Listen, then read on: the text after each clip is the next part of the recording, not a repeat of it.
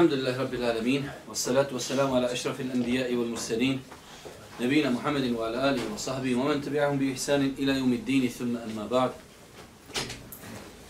Doista svaka zahvala pripada našeg gospodaru Allahu subhanahu wa ta'ala. Salavat mir i selam na Allahu poslanika, Allahu milnika Muhammeda alaihi salatu wa salam, njegovu častnu porodcu, njegovu uzvrte ashabe i sve ljude koji slijede put istinu sudnjega dana.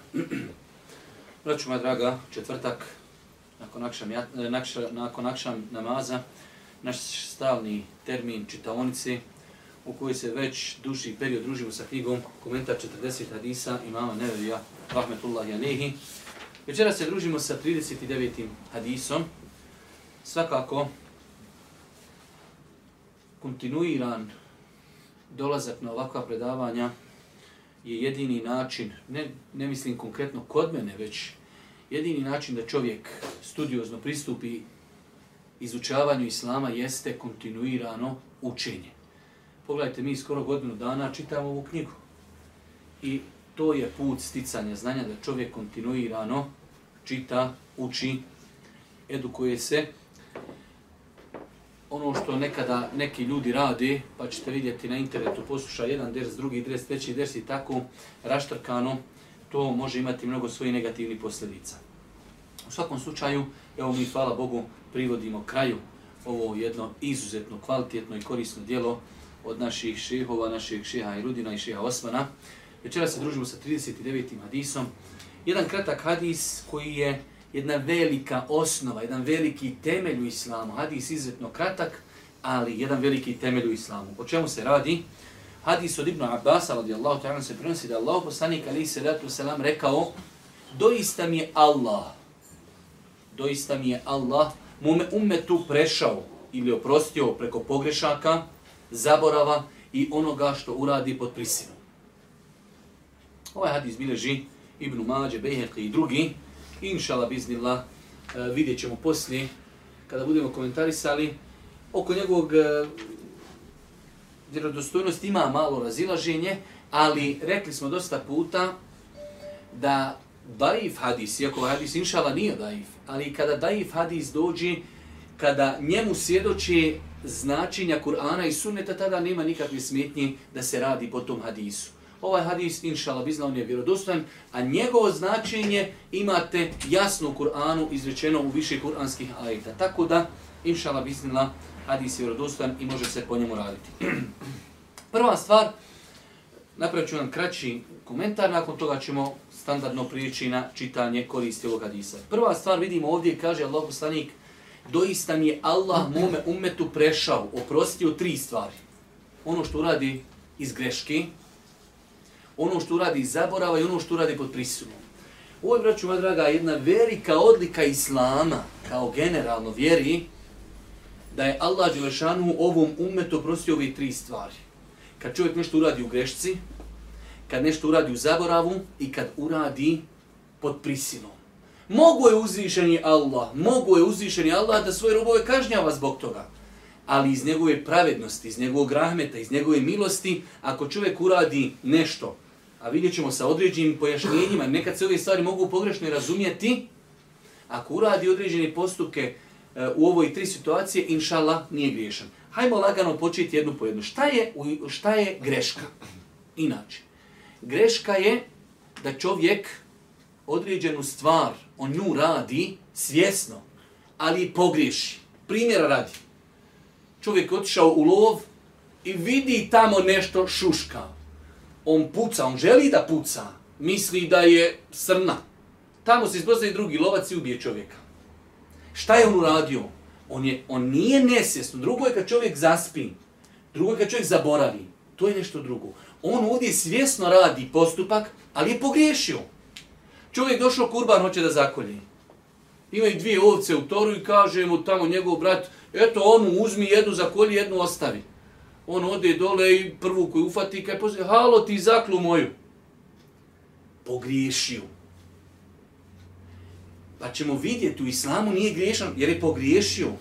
I imamo situacije, dobro, greška, ok, ali de nam miri štetu?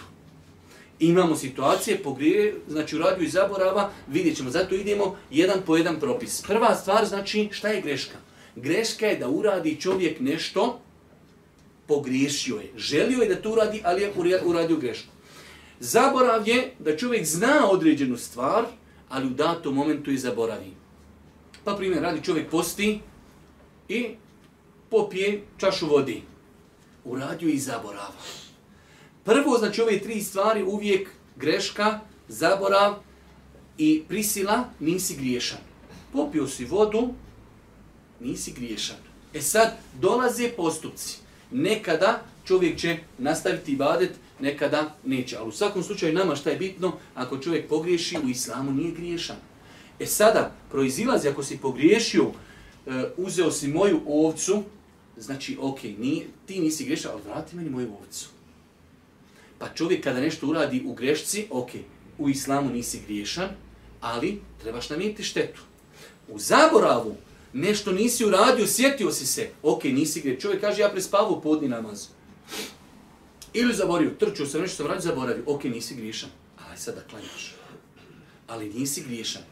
Treća stvar, ikra, prisila.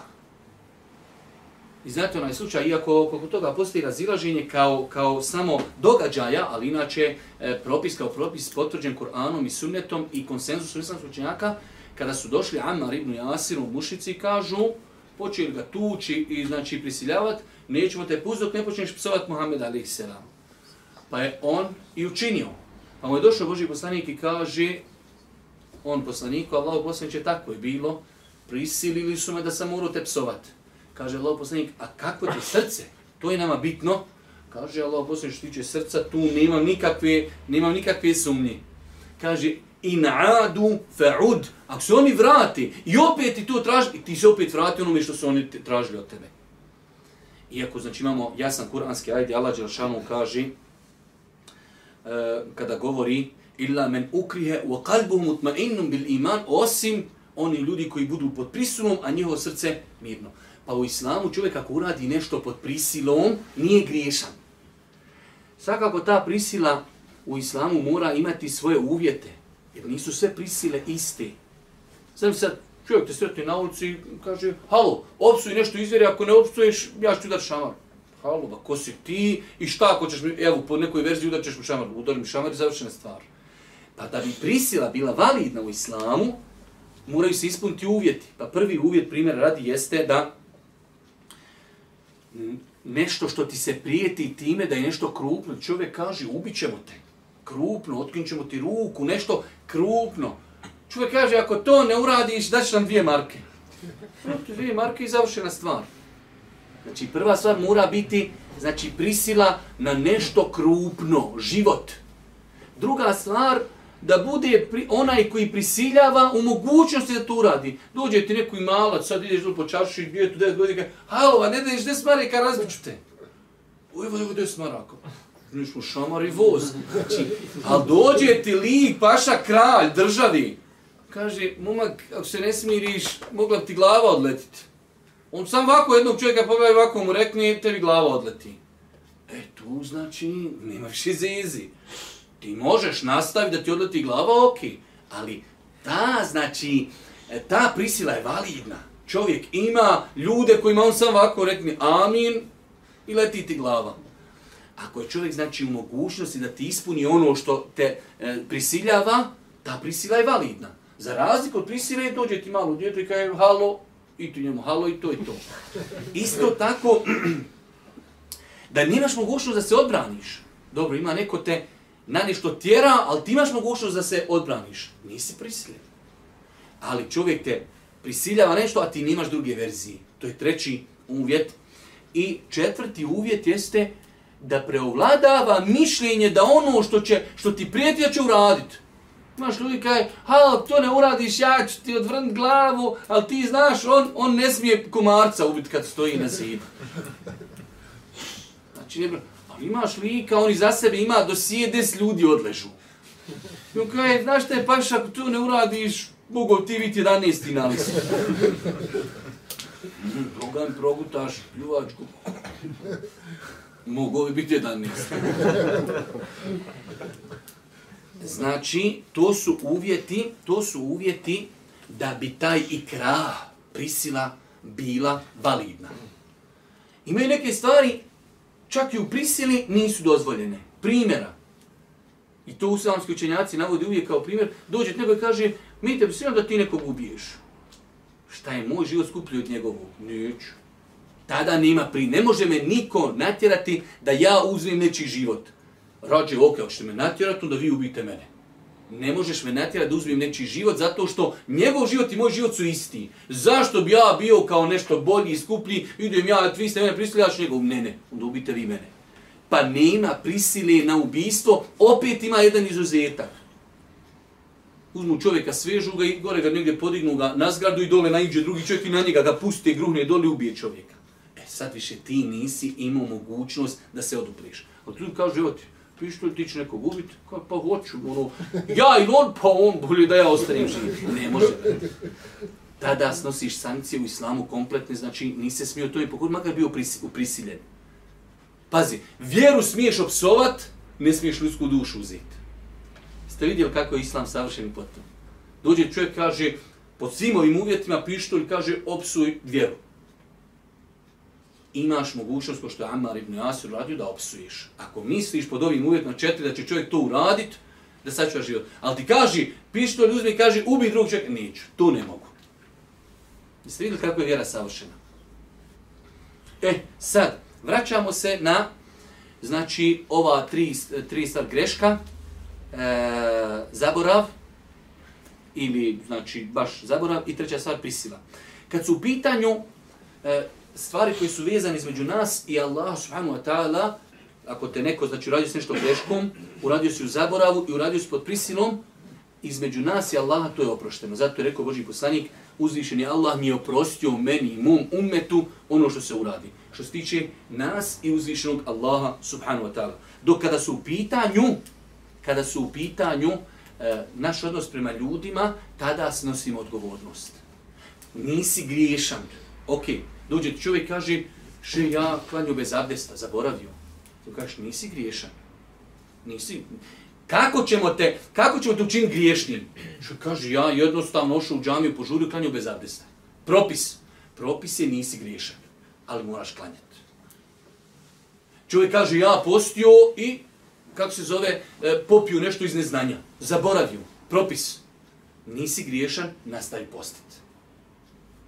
Znači, kad čovjek uradi nešto između njega i ljudi, evo, rekli smo za onaj primjer ovce, a takvih primjera mnogo praktično pogriješio sam, ja nisam znao da je ovo tvoja ovca, ali ja sam je zaklo. Ok, nije sporno, nisi griješan, ali vrati me moju ovcu.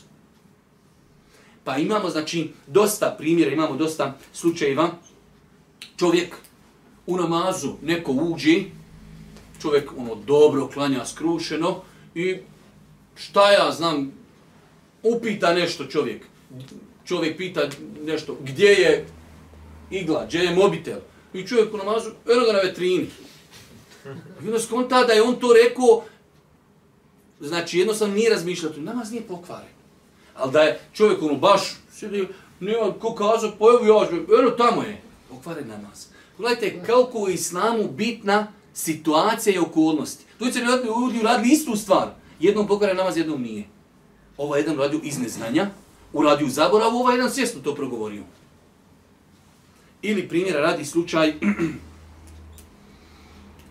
jeste vidjeli kako Allah poslanik kada čovjeka vidio da je pogrešno klanio. Iz neznanja, ali svaki mu put kaže šta? Irđa fe sali fe neke nam tu sali. Nisi griješan, okej, okay. ali idi ponovno klanio, nisi klanio. Neznanje zbog neznanja nisi griješan. Ali ne ispravno, idi ponovi.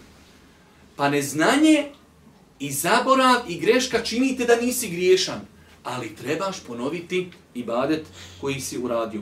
E ima sad ovdje jedna malo komplikovana stvar, pokušat ćemo i pojasniti, a to je razlika je da čovjek kaže ja nisam znao generalno propis, a razlika je kaže ja sam znao propis, ali nisam znao detalje. Primjera radi. Čovjek dođe dvojica ljudi i dvojica ljudi dođu kažu mi smo dvojica u Ramazanu spavali sa ženom u periodu kad smo postili. Kaže jedan, ja nisam znao generalno da je to za, ja sam ti neki dan primio islam, mislio sam kad se samo postoji ne smiješ jesti ni pit. Što se tiče žena, mislio sam se smije sve. njemu kažem propust neznanje, nešto. Kaže čovjek, ja sam znao da se ne smije, ali ja nisam znao da ću ja mora 60 dana postiti.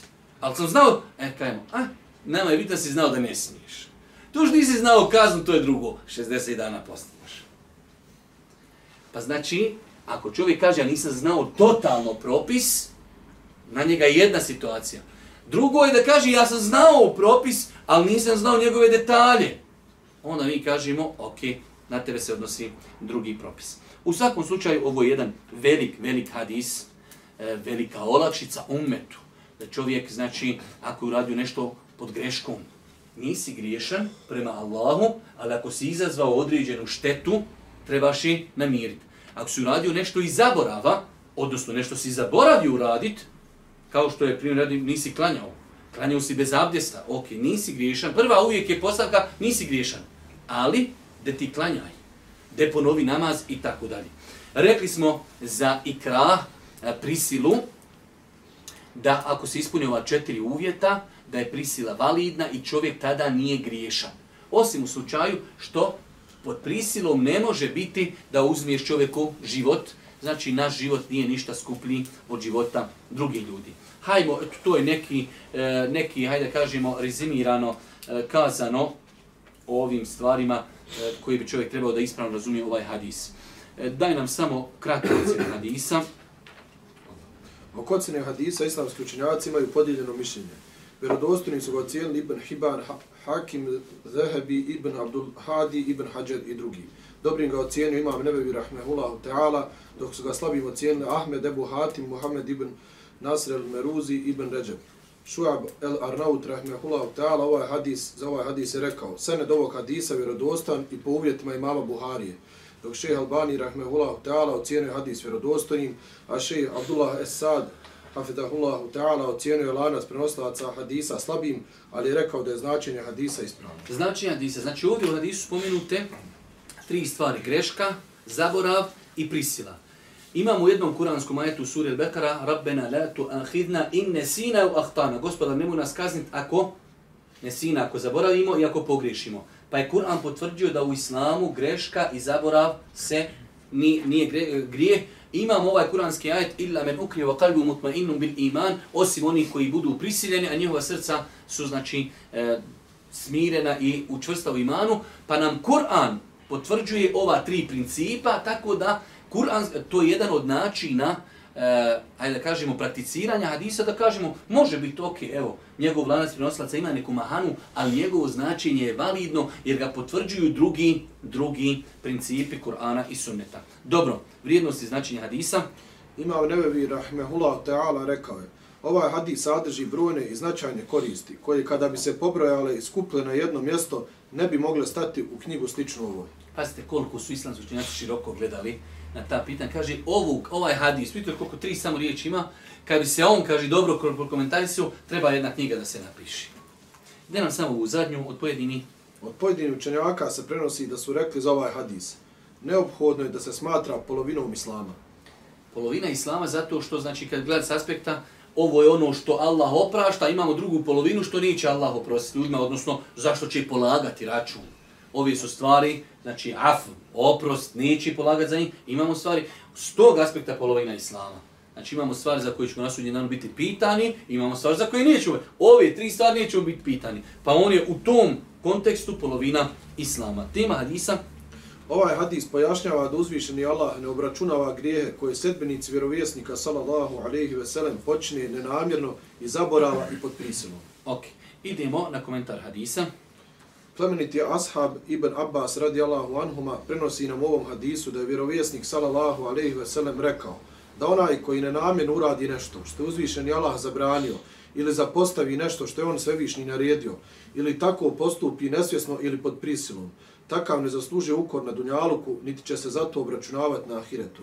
Ovdje mislim, poslije će šehovi pojasniti ovdje kad se kaže takav ne zaslužuje ukor na dunjaluku, treba samo staviti klauzulu koja će doći poslije pojašnjena ako se odnosi grijeh između njega i Allaha, dok treba dodati ovdje malu samo klauzulu, dok ako se radi o propusti između njega i Allahovi robova, mora se šteta, mora se šteta nadomijeti bez obzira. Mi čovjek kažemo, ok, ti nisi čovjek, je nekome ne daj Bože, e, po greškom zapalio kuću.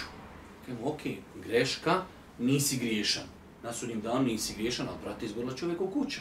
Moraš mu, moraš mu to, onaj kako se zove, namir. Tako da, ova rečenica je definitivno tačna, uzimajući u obzir e, ono što će doći u koristima, ali ako bi neko prošlo samo ovu rečenicu bez da čita koristi, trebalo bi ovu rečenicu dopuniti samo znači, ako se radi o grijesima koji su između čovjeka i Allaha, da. Ali ako se radi o grijesima između nas i ljudi, onda nismo griješni, ako uradimo nešto u ove tri e, situacije, ali moramo, moramo nadomiriti štetu. Dobro, poruke hadisa. Prva poruka. U hadisu uočavamo posebno mjesto Božijeg poslanika, salallahu alaihi veselem, položaj i ugled kod njegovog gospodara. Kako je došlo u hadisu, doista je Allah oprostio mome umetu. Znači, doista je Allah, znači, kad pripisuje on to sebi svoj, on kaže, dosta je Allah oprostio mome umetu. To nam ukazuje na počas Božijeg poslanika, a postoje mnogi, mnogi drugi argumenti koji jasno i dvosmisleno ukazuju na posebno, posebno mjesto Allahog poslanika, ali se datu vaseram kod uzvišnog Allaha. Hadis govori o Allahovoj neizmjernoj milosti i dobroti. Uzvišeni oprašta grijeh svojim robovima ukoliko ga učine nenamjerno i zaborava i pod prisilom, iako je u mogućnosti ih kazniti kad god učine grijeh. Znači, Allahova je milost, kao što smo rekli, da je ovom umet olašu, jednostavno, to be jarabi. Moglo je da bude uvjeri, ok, uradio si grijeh i zaboravio, grijeh i završena stvar, pod prisilom, što se nisi čuvao, zaboravio, greškom, ali znači uzvišen je Allah i svoje milosti prema umetu oprostio im ove tri stvari. Prisilu, zaborav i grešku. Hvala Allahu Đelešanu kad je tako dalje.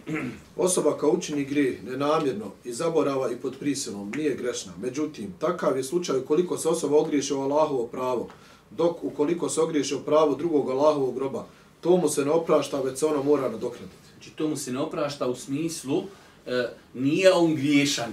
I ovdje bi se sam malo moglo korigovati rečenica, nije griješan što je to uradio, pod prisilom zaboravio, ali jednostavno treba da to nadoknadi.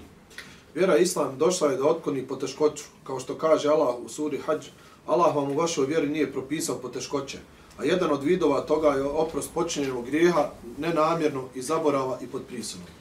Generalno mi smo o tome mnogo puta govorili da imamo jedan veliki problem da mnogo ljudi smatra prakticiranje vjeri da je tu neka poteškoća. On kad kaže, joj mlad, ode u vjeru, halo, što nisi još proživio malo ko hajvan, pa ćeš onda živjeti normalno ko insan i tako dalje. Zaista imate ljudi koji su ubjeđenja da je teško biti vjernik. On njemu kad dođe, šeite kaj slušaj, on kao pošao razmišljati, ja pošao klanjati, pet vas. Pet puta dnevno paša, valja abdest, valja klanjati, valja piđamu, skini ovo, ne, ne, Ja ne vjerujem da iko klanja dnevno pet puta. Posle čovjek počne klanja pet, razumiješ, znači, ko što imaš obroke, tri dnevna obrokova, ima pet puta dnevno klanja, odmori se i tako dalje. Tako da imate ljudi, on, konta, vjernik, on, ko, imate oni malo novije ninja kornjače, imaju oni stari, male, imaju oni poslije novije, diše, na, on, naslanku diše vjernik, zrak ovi vjernici, oni ne dišu sve, sebe, on filter ima, on hemijsku i on izrak mora filtrirati. Da, brate, ima, mnoge se stvari filtriraju. Ljudi idu u disko, ja ne idem. Ljudi idu na more, ja ne idem sa njima, ja idem sam ko robizom, kruso.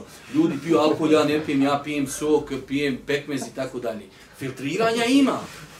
Ali, brate, kad vidiš ovo što ljudi rade, to hoćeš da meni fino kažeš, ti nisi hajvan. Allaha mi samo kratko, znači ja to rekli na jedan jednostavan način, ali živjet islam nema poteškoći. Poteškoći koja se ne može izdurat.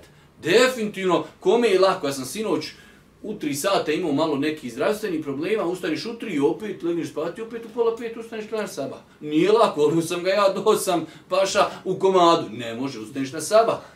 Zima, hladno, džamija, odeš, postiš, Boga mi, 18 sati, ručaj crijeva, Ima poteškoći, ali pašaš u džennet. Čime bi ga zaradio? Svidio golfa dvojku, golf dvojka proizveden 84. pa što da ga zaradiš, pa mjesec dana rintaš, rintaš i zaradiš sebi auto koji je staro već stariji od tebe. E, znači ako ja se moram potruditi za golfa dvojku da dadim dva pršljena, pa onda za džennet moram dati kičmu kompletnu i sve što imam i krvi i mesa. Pa to znači, e, kad ljudi imaju to ubjeđenje, svakako da je to od šetana, e, kako se ljudi ne bi vraćali vjeri, vjera teška. Nije vjera teška, vjera je u osnovi laka.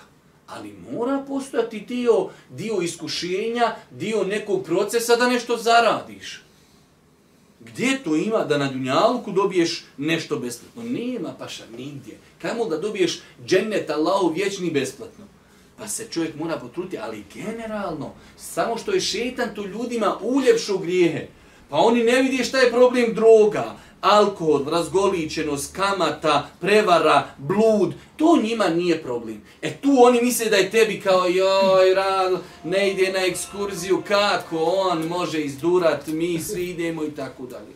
Paša, daleko ti kuća od moje bila. Dalje.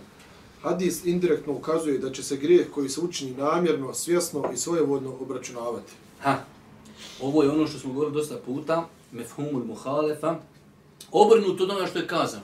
Ako Allah oprašta ljudima grijehe koji se uradi u greški i zaboravi pod prisilom, znači to su te tri stvari. Mimo toga sve će se obračunavati. Grijeh učinjen iz nemara ne potpada pod zaborav. Ovo je korist, velika. Razlika je zaborav, razlika je biti iz nemara. Šta, kakva je razlika? Imate dvojica ljudi sjede isto, isti postupak koji samo različit propis. Dvojica ljudi sjede i gledaju utakmicu. I jedan je toliko je bila utakmica dobra, imaju tu neki bosanski igrači, igraju toliko ga ponijelo, on je zaboravio za namaz. Ovaj drugi zna da ima namaz, išli, ali meni je bitnija utakmica nego namaz. Ovaj gledaju isto i sjede isto. Ovaj nije griješan, ovaj griješan. Ovaj svjesno propustio u nemaru. Ovaj je propustio i zaborava. Zaboravio, čovjek toliko ga ponijelo, on je toliko srčan, toliko navija, on zaboravio za namaz. Isključio se iz dunjaluka kompletno. Namaz sam u vremena stalo, Kazao gdje stoji.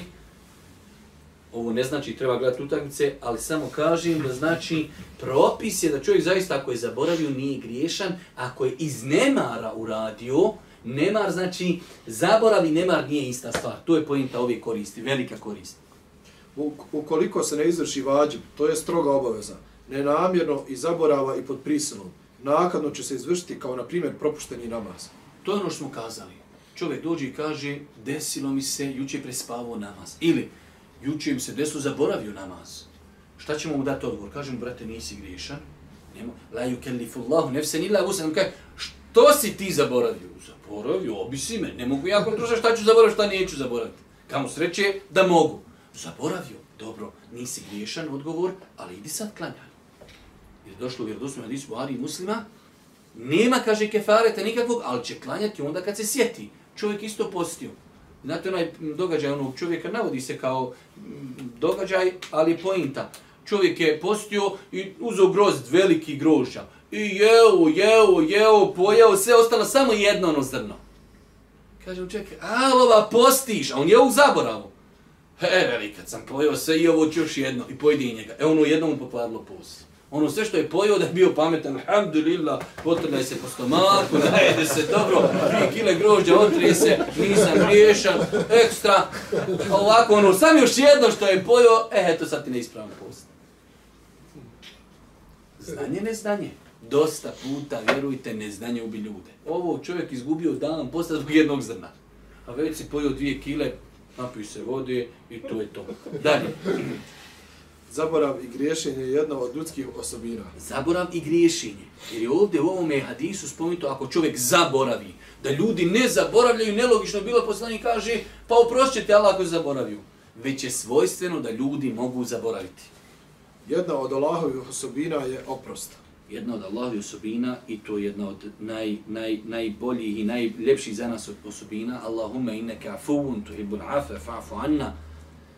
Zato je došlo u ovom hadisu, ovdje je došlo, iako ima i drugi rivajte, ovdje je došlo inna Allahe teđaveze, prijeći. Ali ima i drugi rivajte, je došlo afa, Allah je oprostio. Zato kada je došla Iša radi Allah anha i pita, kaže Allah poslaniće, ako bi znala kada je noć katera, šta da učim? Kaže, uči u kratku dovu, Allahumma inne afuvun tuhibbul afa fa'fu anni.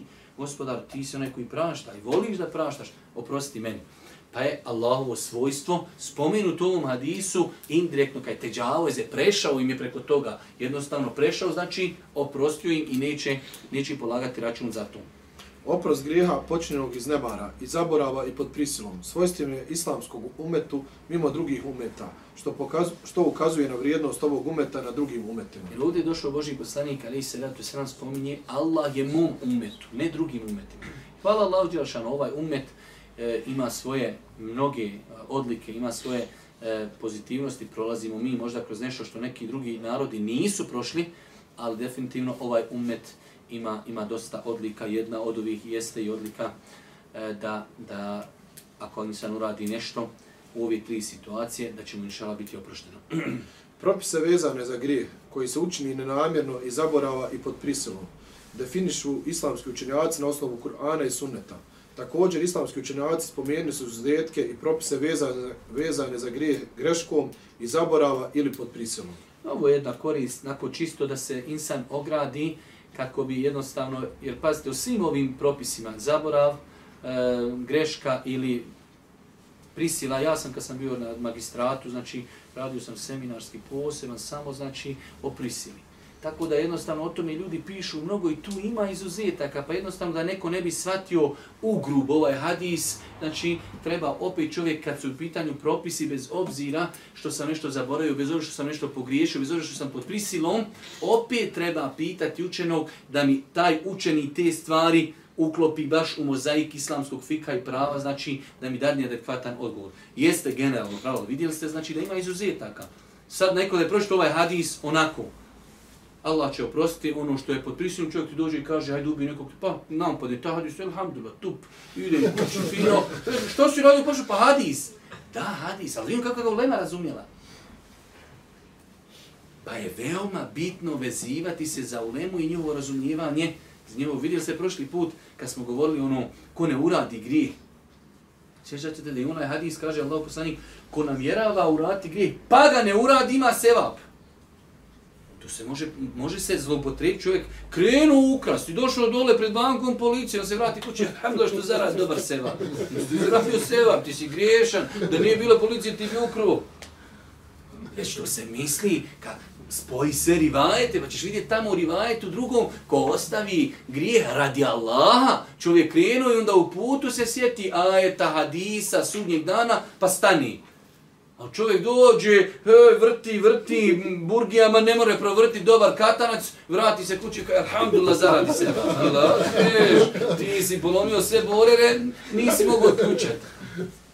Ali opet pojenta, ulema, kako ulema tumači, kako, mi nismo svjesni, ovo mi zašto živimo, ovo su sendviči, kako je ulema živjela za islam, kako je ulema, kako je ulema ovaj islam nama dostavila, pisar imama Buharije kaže imam Buharija u toku jedne noći.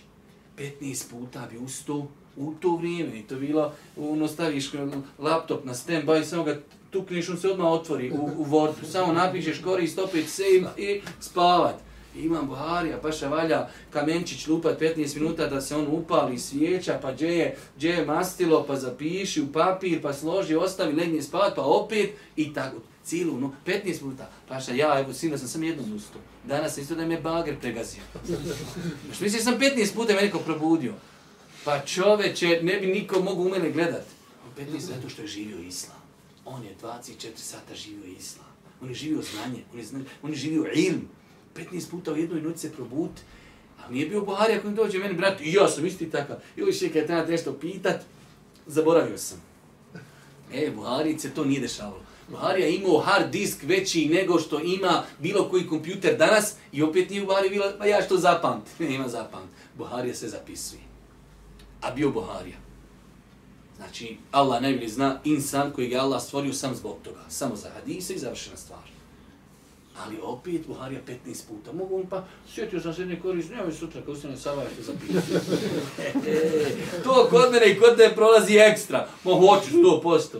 Ustaneš sutra, ne znaš kako se zoveš, kad onda znaš korist koja ti je naumpala. Da imam Buharija, ustani 15 puta. Ljudi živjeli ilm, ljudi živjeli znanje. Koliko su ljudi prelazi za jedan hadis. Koliko su ljudi, Allah, misliš čovjek kad neke stvari čita, kažeš, ovo je, ovo da nije zabilježeno vjerodostojnim hadisma, ovo je nemoguće. Šta su ljudi trpili, šta su ljudi radili? Ljudi mu hadisi, veliki učenjaci su imali, ne može učenike otjera, dolazi, traži hadis, čuku na njih pusti, u dvorištu, oni su cake smišljali kako će, kako će čuku zezn da dođu da, da slušaju hadise. No, Danas da ti sad stojiš ovdje pred vrata čuku i kažeš, eh, dođi, nadis ko preskoči čuku. Možda ti Peziću dolazi kod, ja se borim s čukama, ode ja gleda želju iz Sarajeva, paša, dole besplatno, fino, rahatuk, navijam i to je to. Kad je Abdurezak obećao ovim, nešto se naljutio na svoje učenike i rekao im nema više, nema više znanja. Završeno, neću više citirati hadise. Rezak je bio u, u Jemenu i to je bio znači, jedan od najvećih muhadisa ummeta. I naljutio se na učenike, neću više. Ni oni puno nas kad bi rekao neću više, alhamdulillah, nećemo ni mi više. E, ja što više niti na E, nije spaša. Pričaj dajzi Facebooku, neš ga nama više dajzi. Sad oni kontaju kako bi mi, kako bi mi došli, pa slali neke poklone, pa vako, pa nako, ma jok. I njima onda neko kaže, preko njegove ženi, njoj kupite poklone, ona će to završiti. I onda, kad je on sutra zove, kaj, ajmo počnemo ponovo citiranje hadisa. Šta je sad ovo? I on je tada rekao te poznate stihove, kaže, nije, kaže, isto kad ti neko dođe kao obučen i neko ko je neobučen. Padaju sve tu barijere i sve zagrade, kaže. Znao sam nekad taj arapski stih na, arab, na, na arapskom jeziku, taj stih koji on rekao, nije, kaže, zagovornik, kada je došao čovjek sa hedijom, nešto, kaže, u odjeći i došao jedan bez odjeće. Razlika, kaže, velika. Pao Abdurezak na iskušenje. Pao, završena stvar. Ali je pojenta što su ovi to dražili, kako otkrije, daj znanje, to je čovjek živ, daj da iz njega iscijedimo znanje. Sve smo spremni. Dalje. Ubijstvo nevine osobe i blud ne potpadaju pod prisilom. Allah najbolje zna, ubijstvo definitivno, a blud, Allah najbolje zna, može biti prisila na blud. Opet, Allah najbolje zna. Dalje. Ne smatra se prekršenom zakljetom ako se prekrši nenamjerno i zaborava i pod prisilom. Još jednom. Ne smatra se prekršenom zakljetvom ako se prekrši nenamjerno i zaborava i pod prisilom. Dobro, to je opći propis za, za ovaj stvar. Dalje. Hadis podstiče na prihvatanje islama, ulazak u islam kako bi osoba bila od umeta, to je sljedbenika Allahovog poslanika sallallahu alaihi ve sellem, prema kojima se uzvišeni Allah ophodi na ovakav način. Vidite koja je ovo velika korist koju čovjek mogu isjet 15 dana pored ovog hadisa ne bi je skonto. Osim da se vratiš na knjige u Lemi pa da uzmiš u korist. Ovaj hadis, otkud onda postiče ljude da uđu u islam? Da postiče ljude da uđu u islam pa da uživaju privilegije koje ti daje ovaj hadis. Svidio? Ja sam mogao pročitati 360 puta i nikad mi ne bi ova korist opa. Znači ovaj hadis toliko je lijep, Znači, da postiće ljude, hajte ljudi i vi ovo prakticirajte, ali da bi prakticirali trebate biti muslimani pa da uživate ovim nijametima i blagodatima. To je slično sa onim povezijan kaj gore nekih šest država gore u Evropi, onaj, predavanje, pa ono, Evropljan gore su poznati po higijeni, papirići, pa on njima kaže, u islamu, kad papir služiš puta, imaš cevap. Ma rekao, treba si ti njima reći nešto drugo u islamu, da ostaviš bluda sa svojom ženom, imaš intimni kontakt i zato imaš seva, pusti papire, pusti to, možeš to pojasniti i na drugi način. Dalje. I sad Isa se zaključuje da su muslimani, sljedbenici Muhammeda sallallahu alaihi ve sellem, najbolji narod i na, najčasnije mjesto kod Allaha. Ovo je zadnja korist, još jednom nam je ponovim. Iz hadisa se zaključuje da su muslimani, sedbenici Muhammeda sallallahu alaihi ve sellem, najbolji narod i na najčasnijem mjestu kod Allaha. Mm, ne baš direktno, ali znači ako bi uzeli s aspekta da je uzvišen Allah ovaj umet počastio time, a ta počast istoga proizilazi da su oni najbolji narod, moglo bi se to tako inšala protumačiti. U svakom slučaju, ova me je zagolicala 12. korist ako nekome padne na pamet ako možete naći negdje u knjigama, da li je neko od uleme na bosanskom jeziku govorio da li ubijstvo kaj nevine osobe i blude ne potpadaju pod prisilu. O, osobe, rekli smo za ubijstvo, znači da nam neko do sljedećeg put, do četvrtka, pokuša naći ima li negdje na bosanskom jeziku u knjigama da je neko govorio da li e, blud potpada pod prisilu ili ne potpada. Da vidimo, onaj, to je ko neka domaća zadaća. U svakom slučaju, e, ovaj hadis je zaista jedan veliki hadis, e, jedna velika blagodat Allaha prema ummetu, vidite do te mjere da, da da je to stvar koja bi trebala da ljude plijeni da budu muslimani, da potpadnu pod ovu privilegiju, a to je da im bude oprošteno ono što uradi greškom, ono što uradi zaborava i ono što uradi pod prisilom. Uzvišnog Allah subhanahu wa ta'ala molim da nas učesti sve zajedno na putu istine, da nas poduči korisnom stanu i kraju subhanika Allahumma da bihamdike. Išadu in la ilaha ilan stavfiruke ovaj tu.